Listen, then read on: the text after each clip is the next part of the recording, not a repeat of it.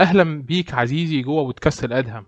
معاك عبد الله الأدهم والنهاردة إحنا جايين نفسر فيلم The Green Knight أو الفارس الأخضر. نبتدي بأهم حاجة دخلت الفيلم وأوله وهي النجمة الخماسية. أنا عايز أعرفك إن النجمة الخماسية في القرون الوسطى كانت رمز مسيحي أصلا. كانت بترمز للحواس الخمسة أو جروح المسيح الخمسة. وبما إن الفيلم مأخوذ عن القصيدة الإنجليزية السير جاوين والفارس الأخضر وبينسب لشاعر مجهول اسمه الشاعر اللؤلؤي ففي القصيدة الرمز الخماسي كان بيرمز للملك سليمان وده من كلام مؤلف القصيدة نفسه. أما الفارس الأخضر فهو شخصية ليها تاريخ قوي ومختلف في الأدب الإنجليزي. فعشان كده هضطر إن أنا آخد بس قصة السير جاوين وتفسير الفارس الأخضر داخلها. لأن في قصته الفارس الأخضر هو شخص لون بشرته أخضر وملابسه خضراء. ودوت حير علماء الشعر الإنجليزي أو الأدب القديم بشكل عام. بسبب لونه الأخضر فقالوا إن هو نكاية عن كائن نباتي كان موجود في العصور الوسطى في الأساطير القلطية والأساطير القلطية ديت لو أنتم ما تعرفوش فهي ميثولوجيا عبارة عن حكايات دينية وكانت موجودة في العصر الح... الحديدي وبتمتلك فكر ديني بيعتمد على تعدد الآلهة زيهم زي أي أوروبيين في العصر الحديدي. طبعا للي ما يعرفش العصر الحديدي هو عصر الإنسان كان بيستخدم فيه الأدوات والأسلحة الحديدية يعني فسمي بالعصر الحديدي والعصر الحديدي دوت كان في بداية القرن ال 12 قبل الميلاد يعني كان بعيد قوي على ولادة المسيح. المهم نرجع تاني.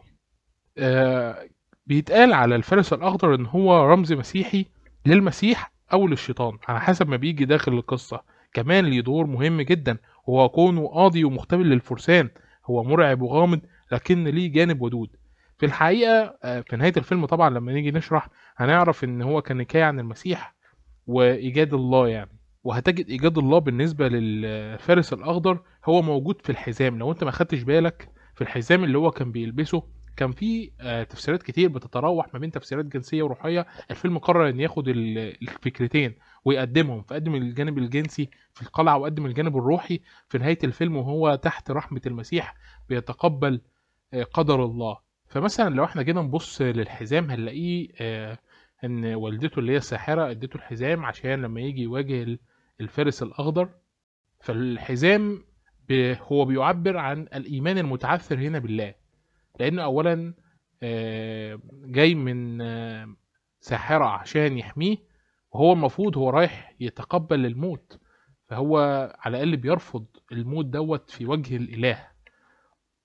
وبالتالي بما إنه بيرفض الموت في وجه الإله فهنا بينسب للفارس الأخضر كونه المسيح اللي بيتغلب على الموت. لأن زي ما شفنا لما راسه اتقطعت آه مسكها تاني وأخد بعضه ومشى.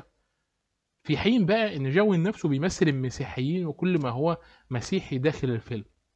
هو بيحاول يناضل عشان يتبع المسيح بكل أمانة لكنه بيضطر إنه يختار الطريق الأسهل. والطريق الأسهل هو الحزام. لكن عشان تتقبل وجود الله وقدره الموضوع بيحتاج أكتر من مجرد إنك أنت تلبس حزام. لو إحنا بصينا هنلاقيه إنه في النهاية لما اختار رمز الحزام الموت وصل له عاجلا أم اجلا من خلال الحرب والهزيمة؟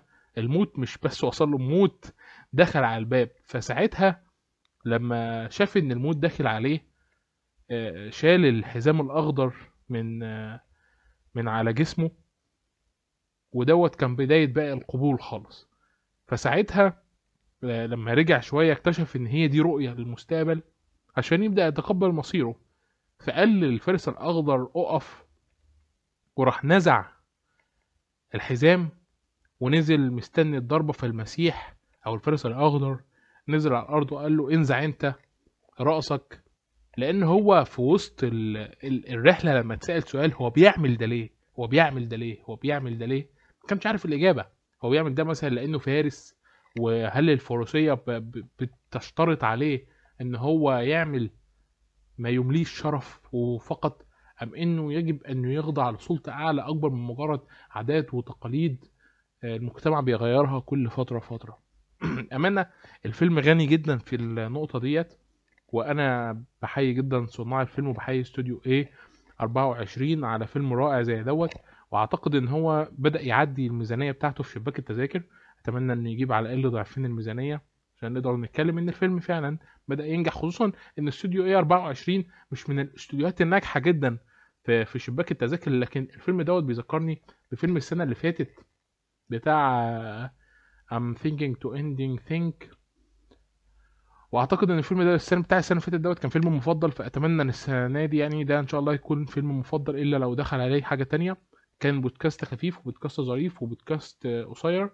مش معديين فيه الثمان دقايق فأتمنى إنكم ما تنسوش تقيمونا كويس على ابل بودكاست وتعملوا اشتراك وقابلكم في بودكاست جديد.